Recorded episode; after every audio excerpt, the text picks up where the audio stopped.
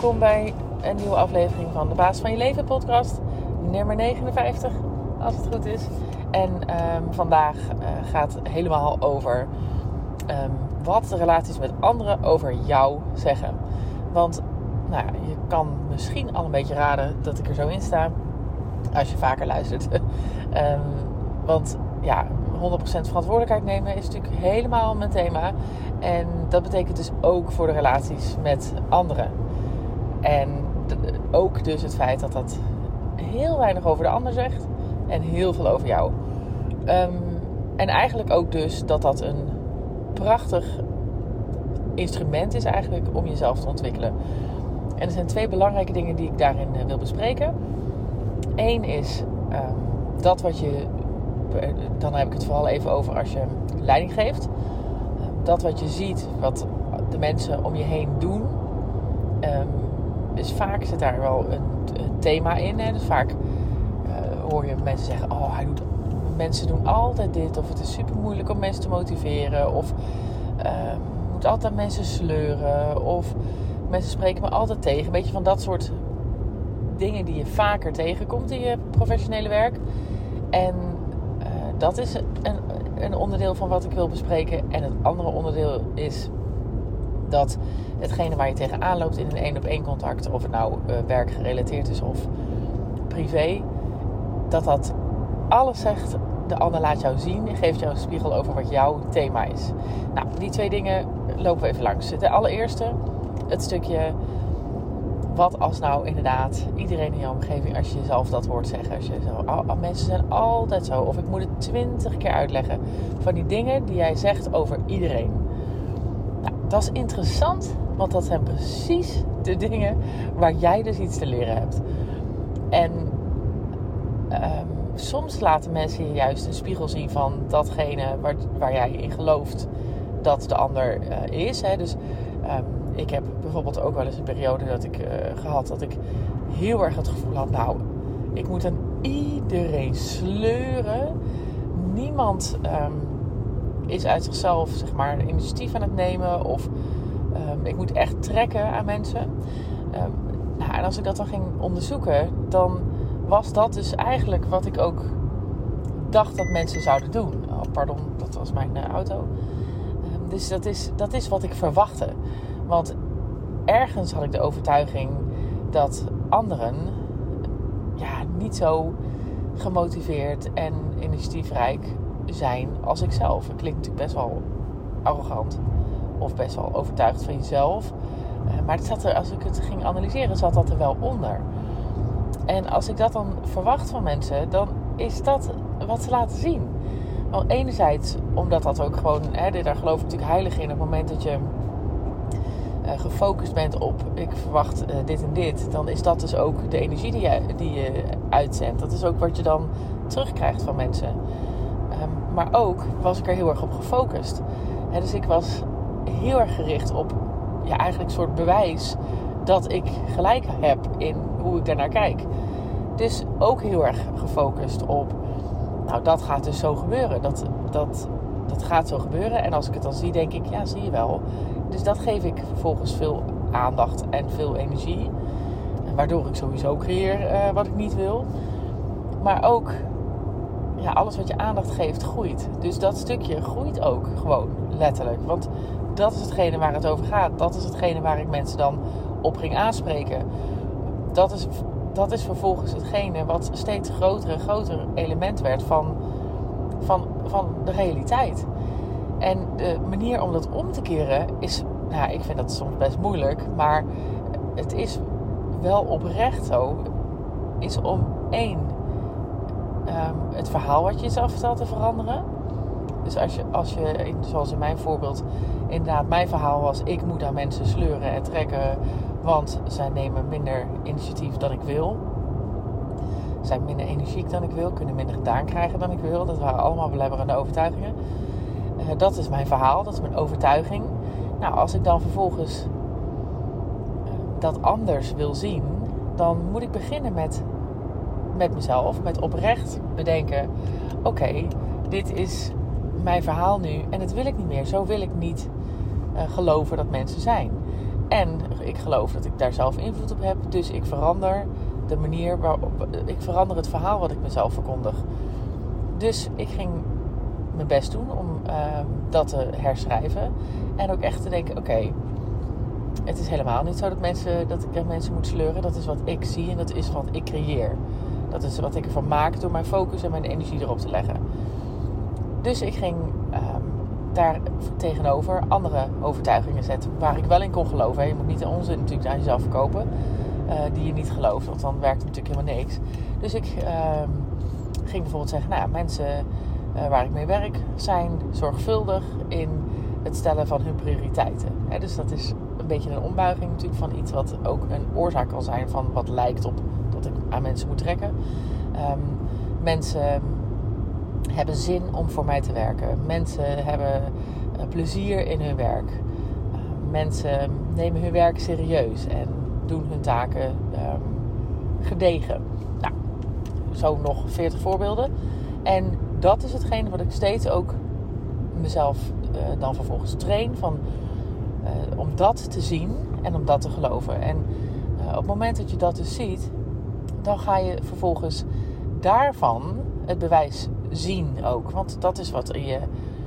Um, dat is waar je, waar je focus en je energie vervolgens naartoe gaat. Dus dat is ook hetgene wat ik vervolgens toenemend zie wat men doet.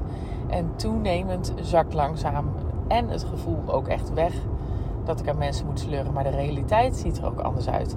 En je kan dan zeggen, ja, het is maar net. Um, het was er misschien nog wel, maar doordat je er niet meer zo naar kijkt. Um, focus je gewoon op positief. Ja, dat kan. Maar het werkt wel, want het dooft vervolgens ook uit. Feit is gewoon, en de werkelijkheid is echt dat als ik me blijf focussen op dat deel waar ik zelf heel veel last van heb. Dus en een verlies aan energie. En ik maak het groter doordat ik er de hele tijd mijn focus op leg. En ik vergroot het ook door het mijn aandacht en mijn tijd en mijn gesprekken te geven. En ik stimuleer er helemaal niemand mee om ander gedrag te laten zien. Want dat is de center of attention. Dus dat, waarom zou je dat dan laten gaan? Dus het werkt echt. Het vraagt wel wat, wat huiswerk en wat naar binnen kijken. Maar het werkt echt. Hè? Dus hoor je jezelf dat ook zeggen. Mensen doen altijd zus of ik heb altijd last van. Ja, dat is echt. Ja, dan is het echt belangrijk om je verhaal wat je, tegen jezelf vertelt over, over men, over je team, over nou ja, wie dan ook te herschrijven en vervolgens die focus uh, te switchen. Nou, en dat is hartstikke leuk, want dan zie je ineens en je denkt, oh ja, het lag echt bij mij, want ik zie nou hele andere dingen. Dus dat is het ene element van uh, relaties met anderen wat die je kunnen leren.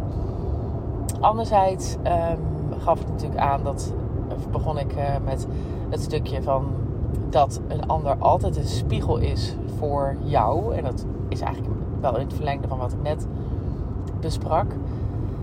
Maar um, dit is wat specifieker en persoonlijker. Dit is niet iets wat heel veel mensen doen. Zoals net van, nou ja, ik, die overtuiging van ik moet altijd aan mensen trekken.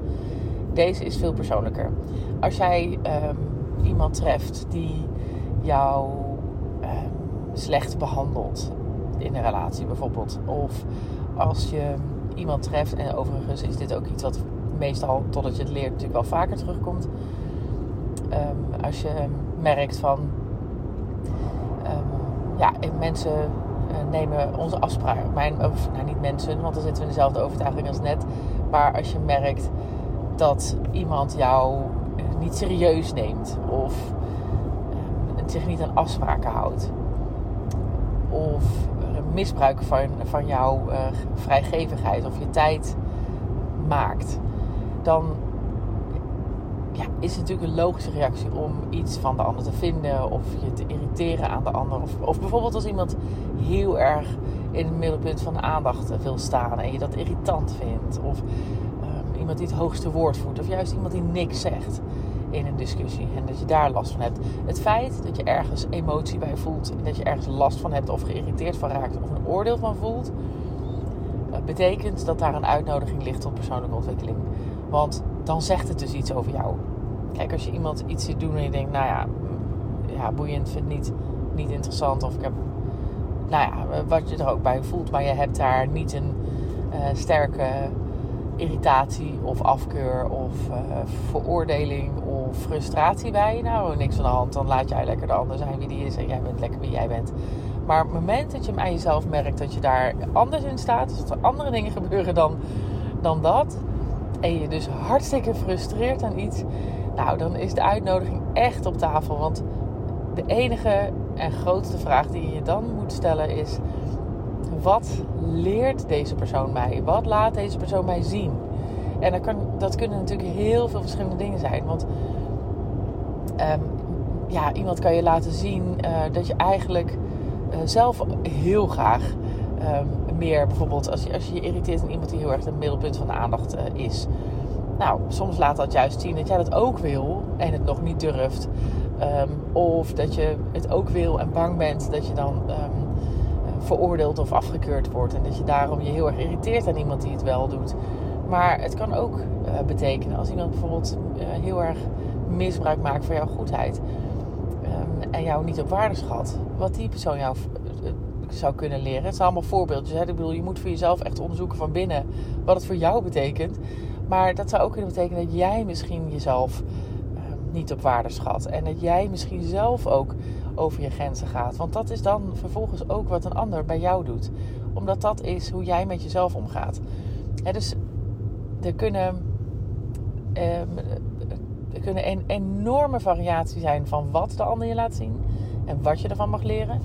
Maar de uitnodiging is direct aan jou. Dat als je op een of andere manier gevoelens hebt in een één op één contact van frustratie, van verdriet, van boosheid, van veroordeling, wat je ook allemaal maar kan voelen over de ander, dat dat direct de vraag naar binnen zou moeten betekenen van wat gebeurt er bij mij? Wat leert deze persoon mij? Wat mag ik hiermee doen? En hoe kan ik ook daar weer regie over nemen?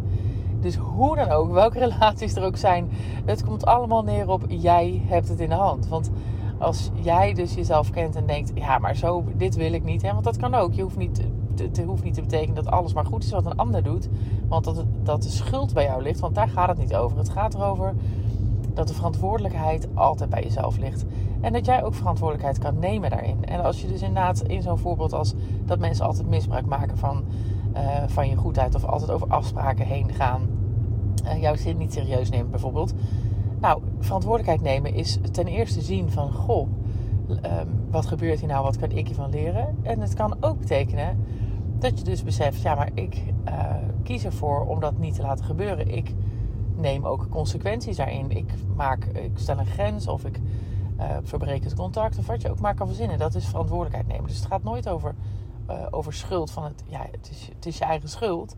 Het is wel altijd je eigen verantwoordelijkheid. En het zegt altijd iets over jou. En dat is super, want dat betekent dat je ook alles kan beïnvloeden. Dus ik vind het goed nieuws. En ik vind het ook leuk, want je leert er superveel van. En uh, het maakt je een wijzer mens. En is dat niet nou, uh, waar, waartoe we hier zijn, wou ik zeggen. Maar in ieder geval is het een van mijn ambities. Dus ik vind het hartstikke leuk. Ik ben ontzettend benieuwd of je het herkent en of je er iets mee doet. En als je luistert, laat, laat het me weten. Dat waardeer ik enorm. Hey, dankjewel en een fijne dag.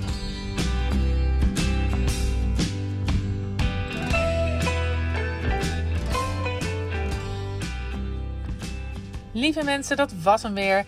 Ik hoop dat je hebt genoten van deze podcast. En op naar de volgende, uiteraard. Het zou mij ontzettend helpen als je de podcast zou willen delen op social media. Zoek me op op Instagram en Facebook onder Juke Stellinga. Tot de volgende keer.